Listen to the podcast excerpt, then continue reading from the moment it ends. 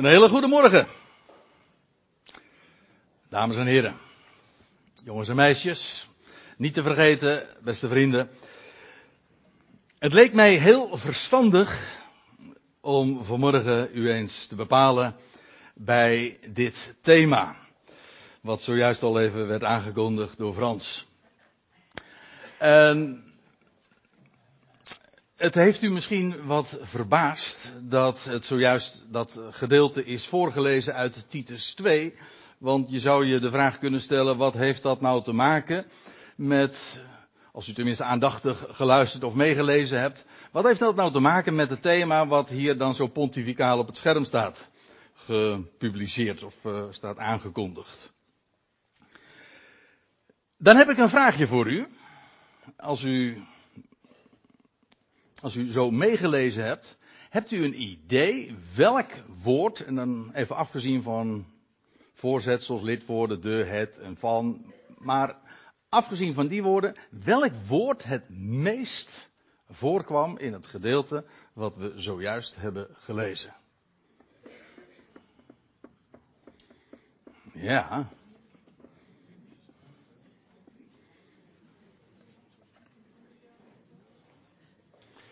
Ik heb nog geen uh, goede suggestie gehoord. Zo, eh, daar. Kijk, dat is de aandachtige lezer. Of lezeres, wat was het? Inderdaad, het woord bezadigd. Dat is het woord wat veruit het meest wordt genoemd, want in Titus 2 worden dan de oudere mannen, de oudere vrouwen, de jongere vrouwen, de jongere mannen, vervolgens ook de slaven aangesproken. En in al die gevallen wordt dat woord gebruikt. Tenminste in de NBG-vertaling. Bezadigd, bezadigd, bezadigd. Als u een staartenvertaling hebt, dan ziet u dat daar eerst wordt, dat woord wordt vertaald met voorzichtig en vervolgens met matig, matig en matig. En in al die gevallen wordt daar in het Grieks, dat wil zeggen in de taal waarin Paulus dit heeft opgetekend 2000 jaar geleden, toen hij die brief schreef aan, aan Titus, die hij achterliet op het eiland Kreta.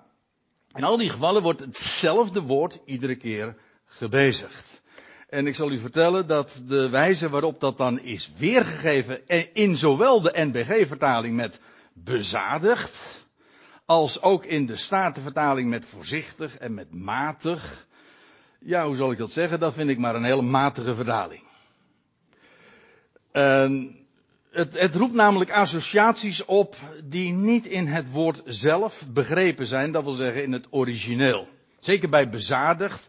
Ik weet niet hoe u dat hebt, maar bij bezadigd denk ik vooral aan iemand. Ja, hoe zal ik dat nou eens netjes zeggen?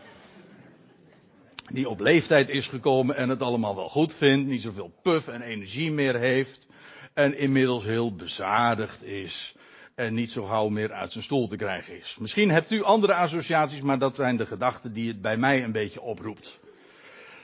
En dat klinkt trouwens ook bij matig door. En ik moet erbij zeggen, dat klinkt misschien wat heel kritisch om, om die vertalers op deze manier zo weg te zetten. Zo bedoel ik het niet direct. Het kan best zijn dat het in het eh, oorspronkelijk in het verleden die woorden bezadigd, matig, eh, wel een andere betekenis hadden, niet die gevoelswaarde hadden die het nu wel heeft.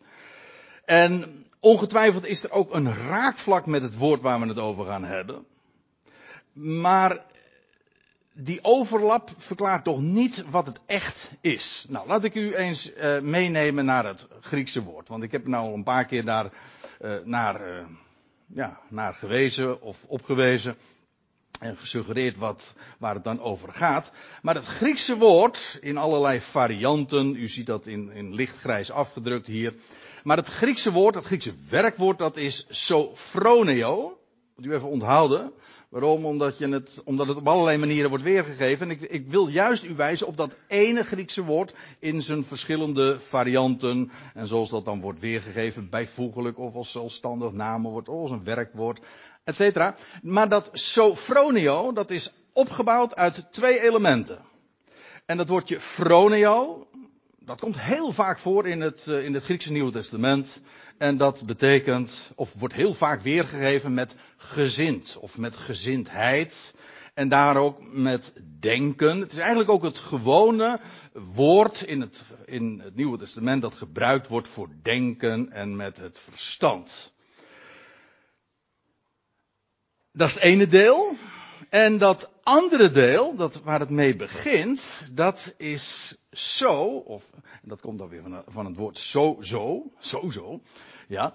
En dat is, en als u vertrouwd bent met, uh, met bijvoorbeeld de theologische wetenschap, dan is daar een onderdeel ook soteriologie. En dat betekent de leer van de redding. Soter, soteros.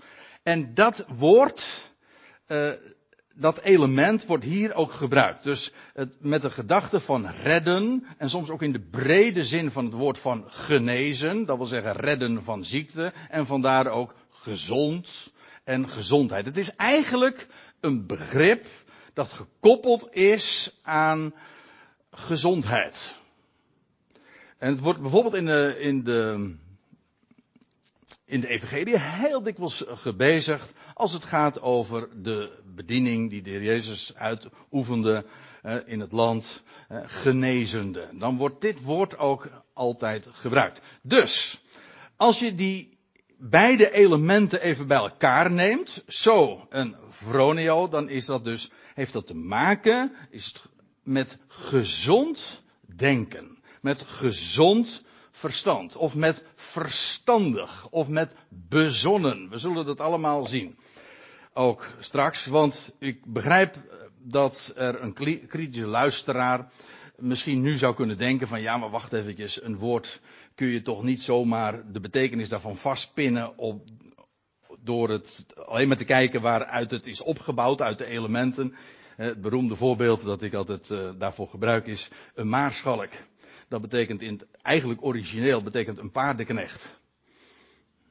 Nou, bij ons betekent uh, het woord maarschalk hoewel het inmiddels ook in onbruik is geraakt, toch iets, eh, iets heel wat anders. Dus ik bedoel daarmee te zeggen, je kunt niet zomaar de betekenis van een woord zomaar fixeren op, uh, op de wijze waarop het is opgebouwd. Maar in dit geval is het juist wel buitengewoon veelzeggend. Dat sofronio, dat heeft te maken met gezond denken. En dat is precies ook waar het over gaat. Ik zal u dat ook laten zien, want we gaan gewoon vanmorgen eens een keer de concordantie langs. Dat wil zeggen, waar wordt dat dan in het Nieuwe Testament gebezigd? En ik moet me meteen al even verontschuldigen. Ik, uh, ik kan maar een aantal schriftplaatsen noemen. We komen uiteindelijk uit bij Titus 2, wat zojuist is voorgelezen. Het komt in totaal 16 keer voor. En de eerste keer dat het gebezigd wordt, dat is in Marcus en ook in Lucas, dat is parallel. Dat is misschien al uh, ook heel veelzeggend. Nou, niet misschien, dat is wel zeker. Daar gaat het over de genezing van die man die bezeten was, die gedemoniseerd was. Dat, want dat is eigenlijk het woord wat dan bezig wordt hij, in het land van de Gadarenen. Het is een bekende geschiedenis omdat je leest dat hij bezeten was door een legioen van demonen. En dan gebeurt daar het, het uh, ja, toch wel het dramatische verhaal aan de ene kant. Tenminste voor de, voor de eigenaren van die zwijnen, uh, dat die, die demonen, die geesten, uh, in de, zich verplaatsen van die man in die, die zwijnen, in die varkens en die dan allemaal zo de afgrond instorten in de zee. En die waren daar uiteraard niet blij, mee. Maar die man die was ineens compleet weer uh, ja, genezen en van die demonen bevrijd. Het was een afschuwelijk tafereel. Je leest, je leest het in, in, Twee keer, nee, in alle evangeliën, behalve in Johannes evangelie, wordt dat verhaald over die man die zo echt gek was. En ook een gevaar voor zichzelf en voor anderen. En nou ja, dan heeft dat wonder plaatsgevonden.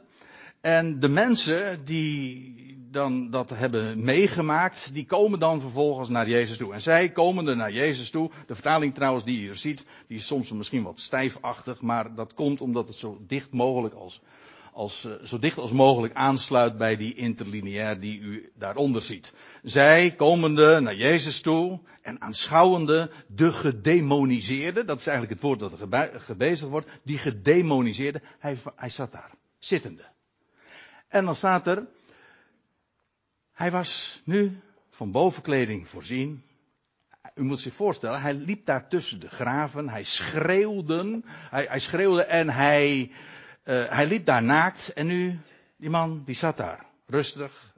En van boven weer van kleding voorzien. En staat er verstandig zijn. En hier wordt weer, of nee, niet weer, want het is voor de eerste keer in het Nieuwe Testament, maar hier wordt dat woord gebruikt, sophronio.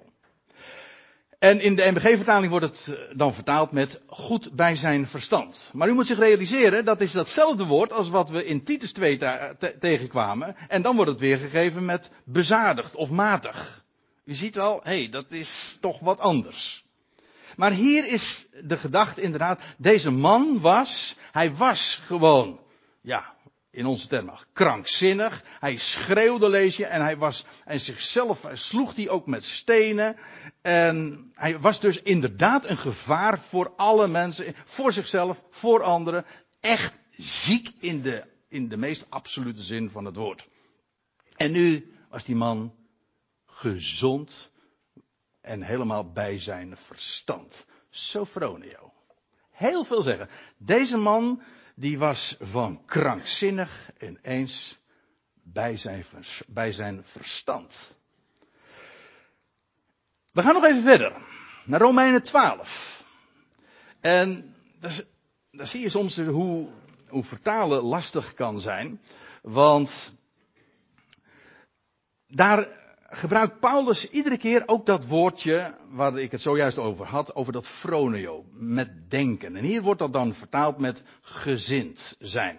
Dan zegt hij in Romeinen 12 vers 3, wees niet hoger gezind. Hier staat eigenlijk in het Grieks hyperfronio. Dat wil zeggen niet overdenken. Dat wil zeggen overschat je jezelf niet, maar um, overschat de dingen niet. Maak de dingen niet buitenproportioneel. Het gaat vooral in dit geval ook over, over wat je zelf kan en niet kan.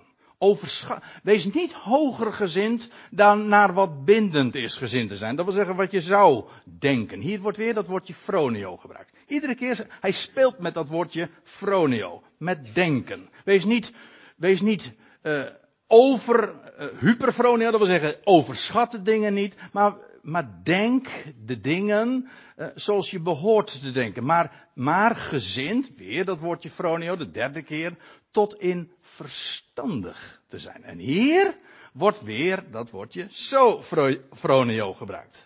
Ziet u hoe hij hier speelt? Dat komt in de vertaling niet tot uitdrukking. Kan ook niet. Het Nederlands leent zich daar niet voor. Misschien andere talen wel. Maar in het Nederlands kan je dit niet echt goed weergeven. Dat wil zeggen hoe Paulus met dit woord speelt van fronio, met denken. Dus de gedachte is, wees niet, uh, wees niet hyperfronio, dat wil zeggen jezelf overschattend, denkend meer dan jezelf bent, maar zo fronio, dat wil zeggen gezond denkend, in gebalanceerd, binnen de proporties.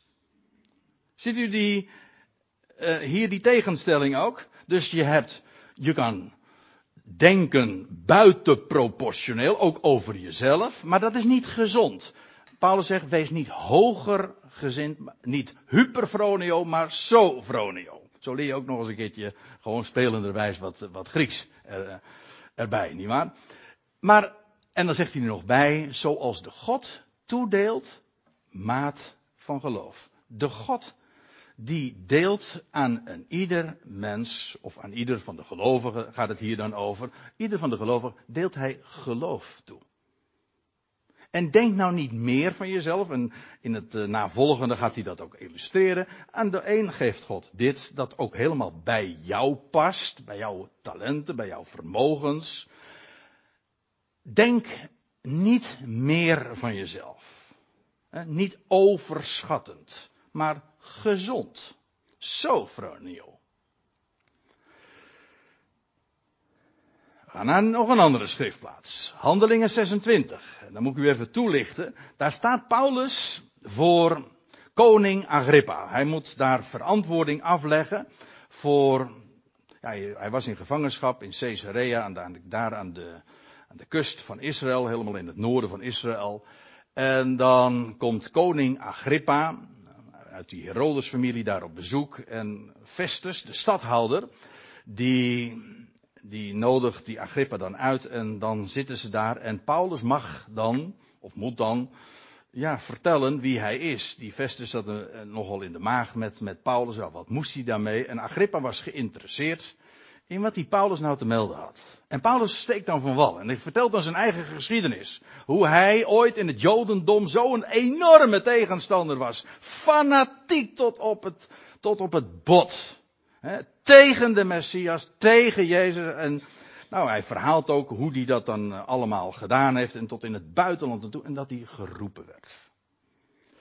En nou, wat er vervolgens ook gebeurde. En op een gegeven ogenblik, dan is het Festus die hem in de reden valt. Hij houdt een buitengewoon overtuigend verhaal. Hij, hij vertelt gewoon de feiten. En dan moeten ze opletten wat er dan gebeurt. Ja, ik moet eigenlijk dat voorgaande, dat sla ik er dan even bij op. Aan handelingen 26 vers 24. Daar staat, En terwijl hij dit, Paulus, tot zijn verdediging aanvoerde, zei de Festus met luide stem, je spreekt wartaal, Paulus, je bent gek. Dat is eigenlijk wat er staat. Uw vele studie, of de schriften, hebben u in de war gebracht. Nou, en dan vers 25. Maar Paulus zegt, zeggende met nadruk, dus eh, hij, accentueert nu precies wat, wat hij wat hij naar, naar voren gaat brengen. Hij zegt, ik ben niet gek. Zeer machtige Vestus. Hij, hij erkent hem gewoon en geeft hem de credits die hem toekomen in zijn positie. U bent een zeer machtig man. Hij zegt, maar ik spreek u nu tegen, ik ben absoluut niet gek dus. Hij zegt, maar, en zo staat het er letterlijk. Maar het zijn uitspraken van waarheid. Feiten. Het is precies zoals ik nu vertel gegaan. En bovendien zegt hij, en nou komt het, gebruikt hij weer dat woordje sofronio. En, want er staat, maar het zijn uitspraken van waarheid en bezonnenheid. Die verwoord ik nu. En hier gebruikt hij weer dat woordje, sofronio. Nou, met dat, met deze aantekening, want er zit, hier nog een woordje bij. En het woordje sun, en dat is in het Grieks, dat betekent samen. Dus het is niet alleen maar gezond verstand, maar ook gezond verstand dat we met elkaar delen. Dat kun je in het Nederlands ook niet zeggen, maar in het Engels wel. In het Engels spreken ze dan van common sense. Dat wil zeggen over gezond verstand dat we met elkaar delen. Wat iedereen weet. Iedereen met gezond verstand weet dat. En dat is het woord wat hij hier dan gebruikt. Is mooi, want dan gaat hij dat ook uitleggen. Hij zegt, de dingen die ik vertel. Agrippa, je komt nou uit in Jeruzalem. Hij zegt, de dingen die ik vertel, die, die zijn niet een of andere uithoek gebeurd. Hij zegt, iedereen in het land weet dit. Van, van die Jezus waar ik het over heb. En wat er gebeurd is. En dat is opgestaan. En dat er vele getuigen zijn. U weet deze dingen. Gelooft u ze misschien zelf? Weet je dat? Het is woorden van waarheid. Het is van, het is bezonnen. Gezond verstand. Kijk, wij zijn geneigd, misschien, uh, en heel dikwijls, geloof te, te linken aan gevoel. En het mooie is, en dat is eigenlijk ook het thema van vanmorgen, is het geloof heeft te maken met gezond verstand. Als je gewoon, je hebt hersenen van God gekregen, als je het vermogen hebt om te denken, dan weet je gewoon dat dit waar is. En dat wordt echt met, met ere ook vermeld. God heeft ons begiftigd met verstand. En als je dat hebt. Kijk, en verstandig. Moet ik er even bij zeggen. Want er zijn er misschien mensen die zeggen van ja, sorry, ik ben niet zo, zo rationeel ingesteld. Nou, als je niet zo rationeel ingesteld bent, dan zeg je dat waarschijnlijk niet eens zo. Hm? En zo, uh, zo'n denker, ik kwam niet zo ver op school, weet je, ik trouwens ook helemaal niet, dus uh, als we het daarover hebben. Maar weet u, uh, het is een, verstandig is niet iemand met veel verstand. Verstandig is degene die het verstand wat hij gekregen heeft, gebruikt. Dat is verstandig. En dan, dat brengt ineens de verhoudingen heel anders. Want er zijn mensen die heel veel verstand hebben, maar, nou u, voelt hem al aankomen.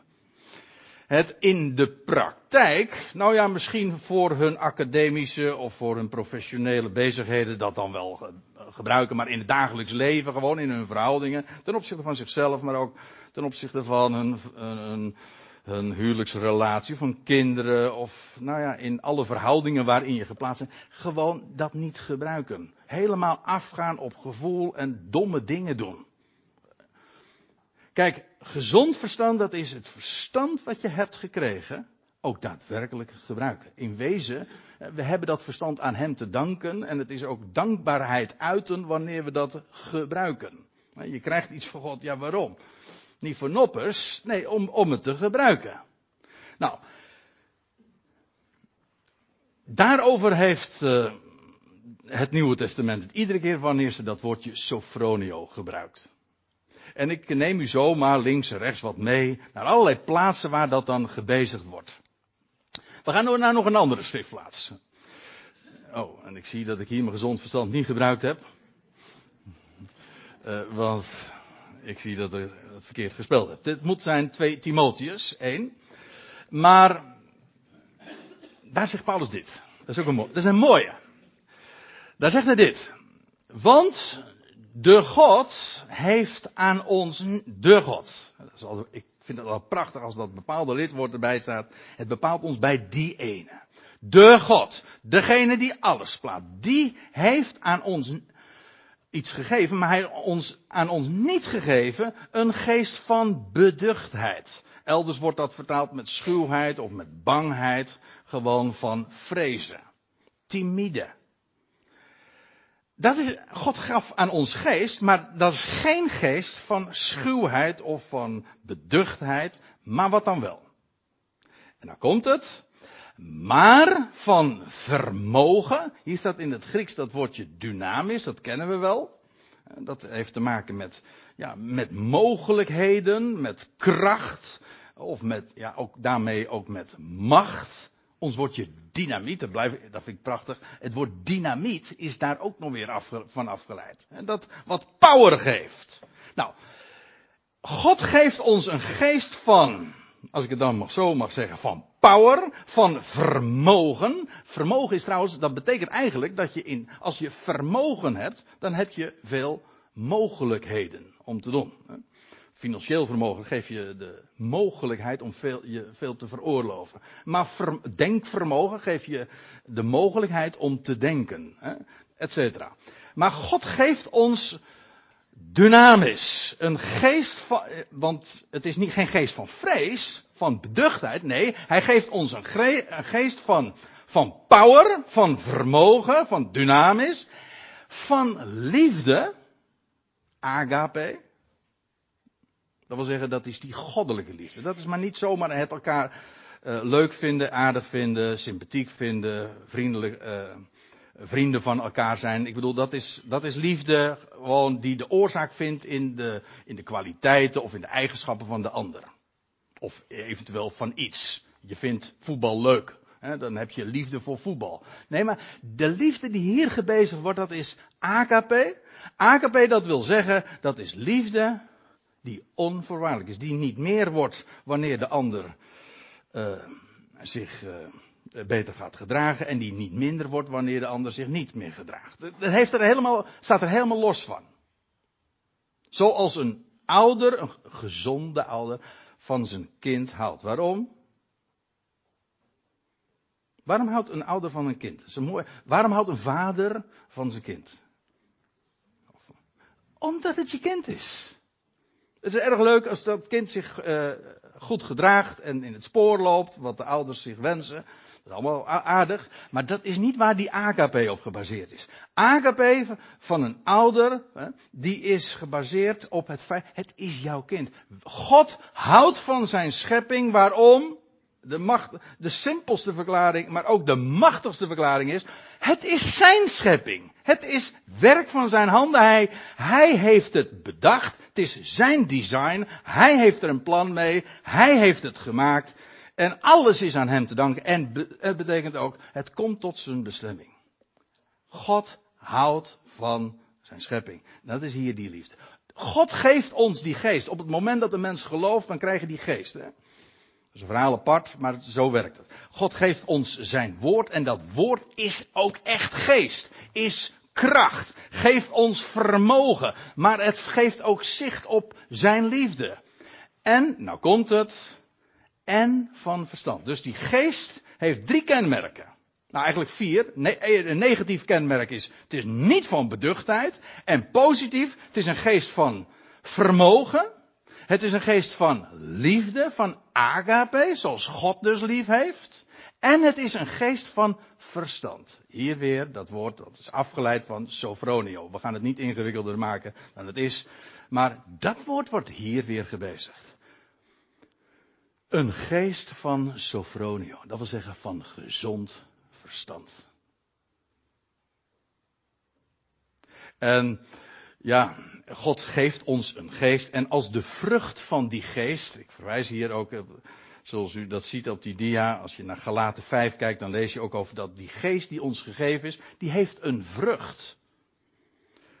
Dat wil zeggen, een automatische uitwerking. Op, een, op het moment dat een mens uh, deze geest krijgt. Van kracht. Van van liefde, van besef van wie hij is, maar ook van gezond verstand, dat, ja, dat, maakt, dat maakt dat een mens precies kan worden wie hij bedoeld is te zijn. En het gevolg is ook, de vrucht van de geest is liefde. En wat is liefde? Dat is dan, vreu, dat is dan vreugde, staat er, vrede, geduld. Kortom, al die eigenschappen die voortvloeien uit het gebruiken van je verstand. Zo'n geest heeft God ons gegeven. Denk daar niet klein over. Een geest van gezond verstand. Ik neem je nog weer even verder mee naar, en nu naar de brief waar we zojuist uit hebben gelezen. Alleen toen lazen we uit Titus 2, maar al eerder gebruikt Paulus dat woord sofronio. En dat is in Titus 1. En dan gaat het over de opziener. De toezichthouder.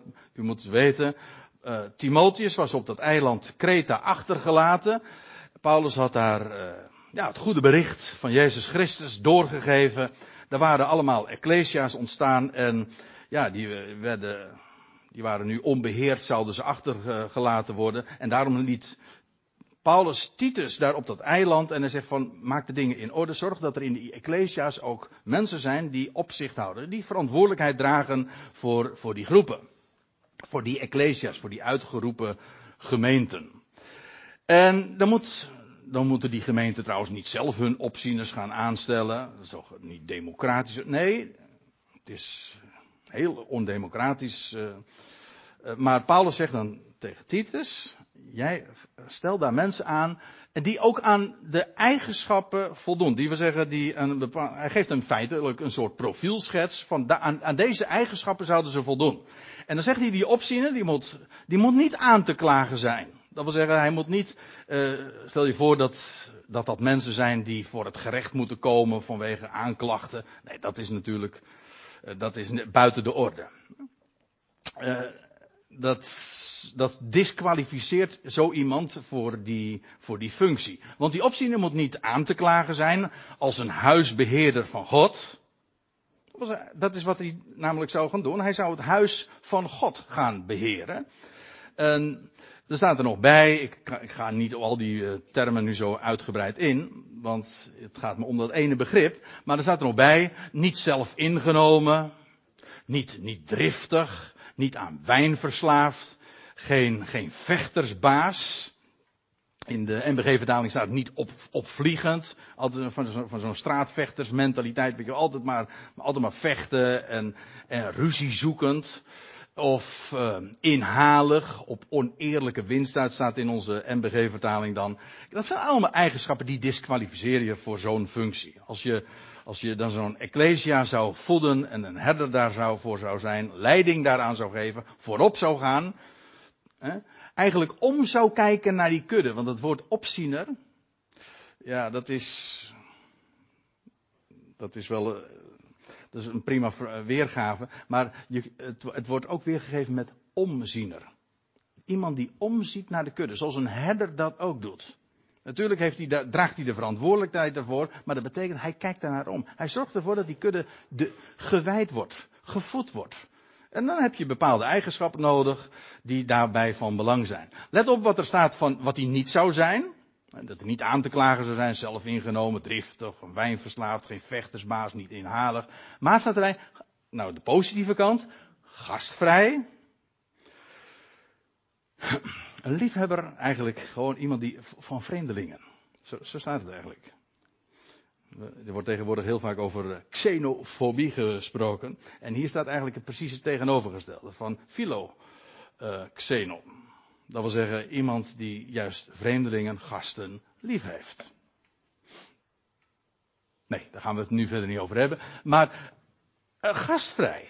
Veelhoudend van het goede. En nou komt het, want de aanloop was wat lang, maar we, we komen er wel. Er staat er verstand tonend. En hier wordt weer dat woord gebruikt, weer in een iets andere setting, maar weer dat woord wat we nu inmiddels wel kennen, sofronio.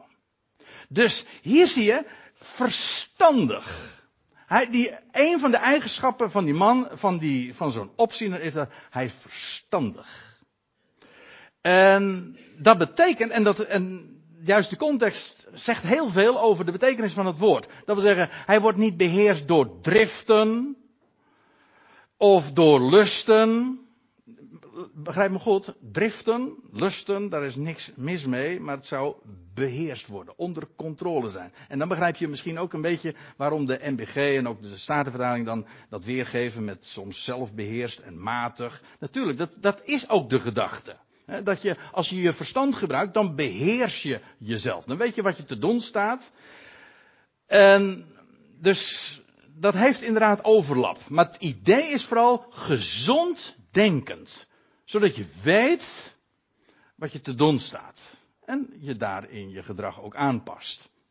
En daar rechtvaardig, rechtschapen. En heb je het zelfbeheersing hebbend. Dat komt daar dus heel erg dicht bij. Controle hebben. Je kan kunnen inhouden.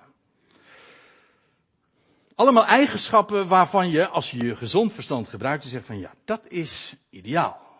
Als je iemand als een, een, verantwoordelijke functie hebt, dan zou je daaraan ook voldoen. En nou komen we uiteindelijk toch bij Titus 2, waar we dat woord zo vaak dus tegenkomen. Het was meest veel, dat was de eerste vaststelling die we zo een beetje deden tijdens deze, tijdens dit uh, half uur zeg maar. Dat was dat er, uh, dat er geen woord zoveel gebezigd wordt in Titus 2 als dat woordje sofronio in al zijn varianten. Goed. En dan begint Paulus te spreken. Maar jij, hij had net gesproken over de, de morele kenmerken van de, van de mensen daar op het eiland Kreta. Het toenmalige Kreta. Ze stonden er om bekend dat ze. Hoe stond het er ook alweer? Dat is, leuk. Hè? Eventjes, dan moet u even met me meegaan. Ik, ik, ik las het er eventjes in. Maar er staat dit. Uh, van die Cretensen, Cretens dat is een inwoner van Kreta dus, hè? een bewoner van Kreta. En dan staat er iemand, Paulus haalt nu uh, iemand aan, hij geeft een citaat van hun eigen, uh, van hun eigen profeten. Hij zegt iemand uit hun eigen kring, en dat is een Epimedes geweest, uit hun eigen kring, dat wil zeggen, het was zelf een Cretenser, een bewoner dus van het eiland Kreta. Iemand uit hun eigen kring, hun eigen profeet, die heeft gezegd, dus Paulus zegt, dat zeg ik niet, iemand uit hun eigen kring, en notabene niet de eerste de beste, die heeft dat over uh, hen zelf gezegd, leugenaars zijn de Cretensen. Altijd beesten en vatsige buiken. Nou, alsjeblieft. Zo, het zal maar van jou als Rotterdammer gezegd worden. Hm? Maar en dat is dan waarom ik dan eh, er even op wijs. Als nou een cretenser zegt, leugenaars zijn de cretensen altijd. Dan is deze uitspraak dus ook niet waar. Want hij was een cretenser. Dus ja, dan heb je een probleem. En dat vind ik leuk. Dat is gewoon humor. Mensen lezen daar gemakkelijk overheen. Want Paulus zegt dan, iemand uit hun eigen kring, hun eigen profeet heeft gezegd, leug, uh, citaat begint, leugenaar zijn de cretensen altijd. Beesten en vatsige buiken. Aanhalingstekens sluiten. En dan zegt hij erachteraan, nou gaat Paulus verder. Hij zegt, dit getuigenis is waar. Dat moest hij erbij zeggen, want als hij er namelijk niet bij zou vermelden, was dit ook een leugen geweest. Nee, dit getuigenis is waar. Dat klopt dus, wat die Epimedes dus gezegd heeft. Maar goed, uh, zo had hij die cretensen dus neergezegd. En, en juist daarom was het belangrijk dat er gewoon ook moreel goede leiding gegeven werd daar in die Ecclesia's van Kreta. En dan, en dan zegt Paulus, maar jij. Zo, daar die hele cretense mentaliteit was uh, nou niet echt al te florissant neergezet. En zei, maar jij, Titus, spreek hetgeen de gezonde onderwijzing betaamt. Dat wil zeggen wat de, de gezonde leer staat er dan in de NBG-vertaling. Wat strookt met de gezonde leer. En dan zegt hij, oude mannen. Hij gaat allerlei groepen van mensen dan aanspreken. De oude mannen, nuchter te zijn. Dat wil zeggen, niet bedwelmd. Uiteraard is nuchter, zoals bij ons ook, iemand die niet onder invloed is. Die gewoon, heb je het weer, uh, gezond kan denken. Uh, nuchter te zijn, eerbaar, verstand tonend. En hier hebben we weer dat woordje, dus sofronio. Oudere mannen. Het is zo belangrijk. Al die groepen, daar worden allerlei uh, eigenschappen van gegeven. En voor de ene groep is vooral die eigenschap van belang. Maar een, als een rode draad door al die groepen loopt die, die kwaliteit van Sofronio. Gezond verstand hebbend. En dat wordt in de eerste plaats gezegd van die oude mannen. Vervolgens in vers 3, vanaf vers 3, oude vrouwen op dezelfde wijze in hun houding en hun optreden. Opdat zij de jonge vrouwen aan het verstand zullen brengen. En het is, het is ook weer leuk. Want hier wordt in het Grieks één woord gebruikt. Eh, wat dus in de MBG-vertaling wordt weergegeven met aan het verstand. Nee, dat is trouwens niet de MBG-vertaling. Daar wordt in de MBG-vertaling over opwekken gesproken. Maar het is eigenlijk aan het verstand zullen brengen. In het Grieks staat er sofroon, iets zo. En dat betekent, wij zouden zeggen, dat is een woord dat ik even voor de gelegenheid creëer, uh, sofroniseren. Dat wil zeggen, uh, aan het gezonde verstand brengen. Hm? Zoals je iets kan kristalliseren, dan maak je tot een kristal. En hier wordt een werkwoord gebruikt. Die oudere vrouwen zouden de jonge vrouwen sofroniseren, als u begrijpt wat ik bedoel. Aan het gezonde verstand te brengen.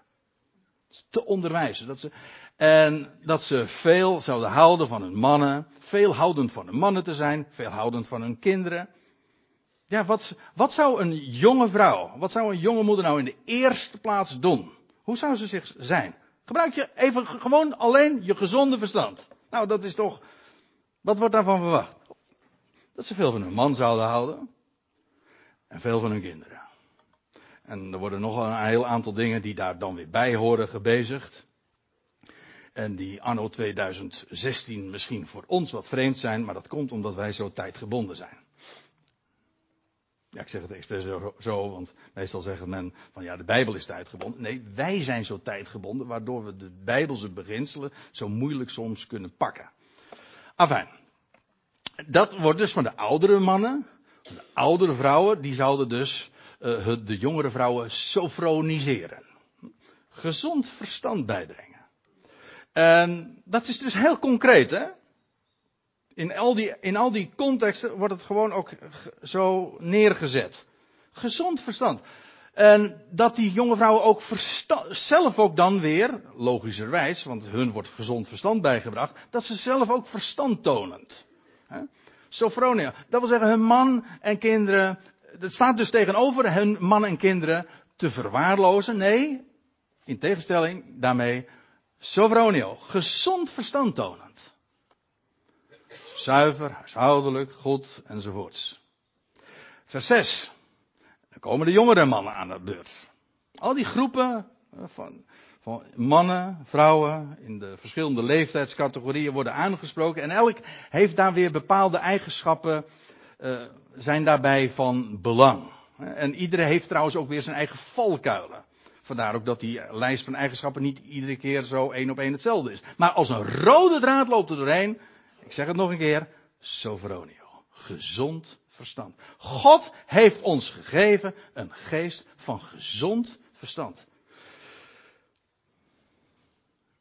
En dan de jongere mannen. Roep de jongere mannen op dezelfde wijze, uh, roep de jongere mannen op dezelfde wijze op verstandig te zijn.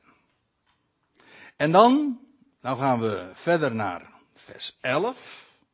En dan moet, ik, dan moet u uh, weten, Paulus heeft het hier inmiddels nu ook over de slaven. En dan zegt hij daarover dit. Dan moet ik nog even eh, erbij lezen. Oh, want ook dat staat uh, niet op de, de dia.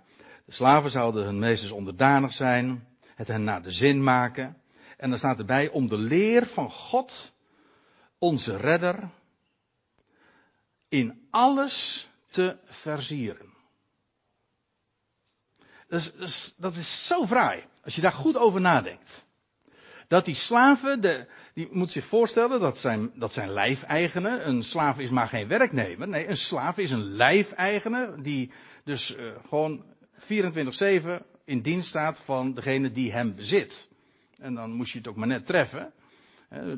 Hoe jouw baas, of jouw, niet jouw baas, jouw eigenaar was, jouw meester. Degene die jou bezat. Wel, Paulus zegt, juist in die omstandigheden waarin jullie verkeren, hebben, je de, hebben de gelegenheid om de leer van God onze redder te versieren. Eigenlijk alles draait om de leer van God onze redder. Jammer dat die dia is eruit gerold, dus ik vertel er maar even bij. Maar in vers 10 wordt daar zo over gesproken. Om de leer van God onze redder te versieren. In alles staat erbij. Hoort u wat daarin doorklinkt? Alles gaat om de leer. Ik weet dat sommige mensen die keren het om zeggen, het gaat eigenlijk niet om de leer, het gaat om de praktijk. Amahula! Het gaat om de leer. Het gaat om onderwijs. Het gaat om de boodschap dat God, om, om echt onderwijs, hè. God is God en hij is de schepper, de bedenker, maar hij is ook een redder. Wel, die leer, dat onderwijs, daar gaat het om. En heel de praktijk van ons leven is daaraan ondergeschikt, aan die leer. En die leer is zo geweldig. En wij in al onze omstandigheden, of je een oudere man of een oudere uh, vrouw, of een jongere man of een jongere vrouw, of een slaaf, of weet ik veel wat, wie ook bent, in welke omstandigheid je ook geplaatst bent, maar je mag de leer van God, onze redder, versieren. De slingers ophangen. Zo geweldig is die leer, dat God een redder is. Nou, en dan in vers 11, daar staat, want tevoorschijn kwam de genade van de God, reddend, voor alle mensen. Kijk, wat is die leer van God onze redder? Dat is deze leer. Dat is dat de genade van God is verschenen, tevoorschijn kwam. God is, geeft om niet. En het is voor hem een vreugde om dat te doen. Dat is genade. Dat is vreugde om niet. Gods genade is verschenen. Hoe dan wel? Wel reddend. God, het meest karakteristieke is van God red. Hier heb je trouwens weer dat woordje zo, waar ik het al eerder over had. Gods genade is verschenen, reddend. Voor wie? Nou, voor alle mensen. Voor elke groep van mensen, maar voor wie dan ook. En al die miljarden mensen, inmiddels zoveel meer dan in de dagen van, van Paulus toen hij dit optekende, leven er op deze aarde. Maar nog steeds is daar die waarheid. God is de redder van alle mensen.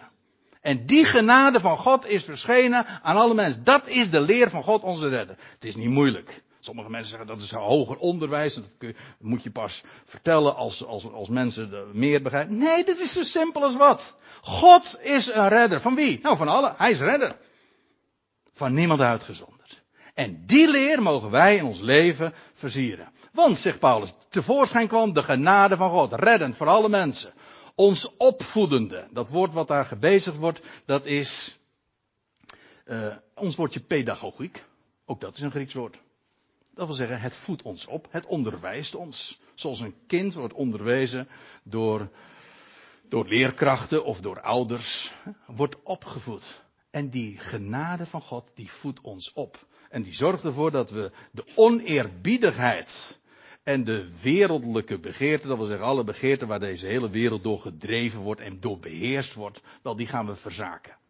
Ja, als, er, als, dat de wereld daardoor beheerst wordt, ja, ze heeft, niks, ze heeft niks anders, ze heeft niks beters, dus logisch. Maar wij weten inmiddels beter. En dan is het toch een kwestie van gezond verstand ook dat je die dingen gaat verzaken. Dat is gezond verstand.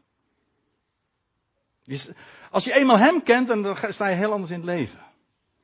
Om, om maar wat te noemen. Het is gezond verstand, om maar wat te noemen. Het is gezond verstand als je onbezorgd leeft. Weet u dat? Als God. Nee, even, ik, ben, ik ben heel serieus, maar ik wil het even heel concreet maken. God voor ons zorgt. En hij zegt, ik zorg voor jou.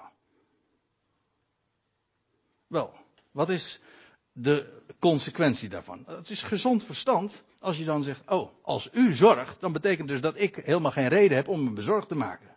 Niet zoals dat dan wettisch gebracht wordt van, je mag je geen zorgen maken en nou voel ik me zo verschrikkelijk schuldig, omdat ik zorgen maak, heb je er weer een zorg bij. Ja, dat schiet niet op. Nee, het is, hij zorgt. En de consequentie daarvan is dat ik dus onbezorgd in het leven ben. God heeft alle dingen in zijn hand. Er gebeurt helemaal niks voor niks. Hij brengt alles tot een goed einde. Dus is het een kwestie van gezond verstand dat ik optimistisch, hoopvol in het leven mag staan. Dat is, dat is gezond verstand.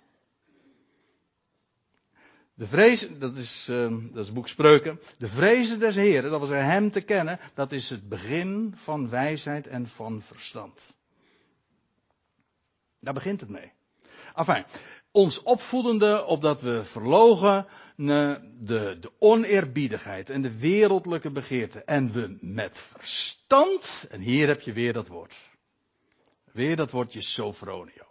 En dat wordt hier geplaatst tegenover de mentaliteit van de huidige aion. Lees maar met me mee. Er staat uh, verzakende oneerbiedigheid, de wereldlijke begeerte. En we daarentegen met verstand en ook op een rechtvaardige wijze. En eerbiedig. Dat wil zeggen, hem de eer geven, de credits geven. Je hebt alles aan hem te danken. En de, dat is ook gezond verstand. Hè? Als ik alles aan hem te danken heb. Gebruik even gewoon uw verstand. Ik doe geen beroep op uw gevoel. Maar gewoon een gezond verstand. Als het waar is dat ik alles aan hem te danken heb. Alles. Alles wat ik, we zingen dat in zo'n opwekkingsliedje ook. Alles wat ik ben, dat heb ik van mijn vader. Alles wat ik uh, heb, dat wil zeggen, dat wat ik bezit, dat wat ik gekregen, dat heb ik van hem. Wat heb ik van mezelf? Niemand heeft zichzelf gemaakt. Alles heb ik te danken aan hem. Aan wie dus de eer? Dus mijn leven is gewoon één dankdienst. Ik, ik heb het aan hem te danken. De logische consequentie is dat hij dus de dank en de eer daarvoor krijgt. En geen grotere eer die je hem doet, kan doen, is hem te danken daarvoor. Kijk, dat is op een eerbiedige wijze leven. Opdat we met verstand en op een rechtvaardige en eerbiedige wijze zouden leven in de huidige aion. Die trouwens op zijn eind loopt. Want deze aion gaat plaatsmaken voor een nieuwe aion. Een totaal andere. Dit is een boze aion. En die Cretenses konden daar helemaal over meepraten. En wij in Rotterdam 2016 nog net zo. En het wordt er echt niet beter op. Maar hoe mooi is het dan om dat te contrasteren? Om in die aion, die zo verdraaid is, die totaal beheerst wordt door absurde dingen, door, door oneerbiedigheid en begeerten en daardoor geleid wordt, dat wij met gezond verstand mogen leven. Zo mogen staan in deze aion. En zo ook echt dus het verschil mogen maken. Met gezond verstand en met uitzicht ook, want als u dan doorleest, maar dat heeft Frans zojuist gedaan, en doorleest in vers 13 en, en de navolgende versen, dan wordt er gesproken over die geweldige verwachting. Een daar staat er nog bij dat we een gelukkige verwachting hebben. Dat betekent niet alleen maar dat wat we verwachten zo gelukkig is, maar die verwachting, omdat je die verwachting hebt, dan maakt het je nu al zo gelukkig. Ook die, in die zin is het een gelukkige verwachting en hoop die we hebben. Kijk, dat is Allemaal gezond verstand. En als, ik hoop u vanmorgen ook niet te hebben aangesproken. Het gaat er mij er niet om dat u vanmorgen zegt dat was mooi. Of wat was fijn. Dat is, vind ik niet interessant. De vraag is, is het waar?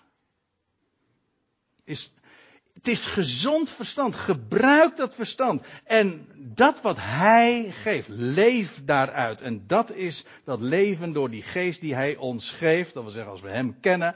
Een geest van, wat was het? Van vermogen, van liefde en van sovronio. Gezond verstand.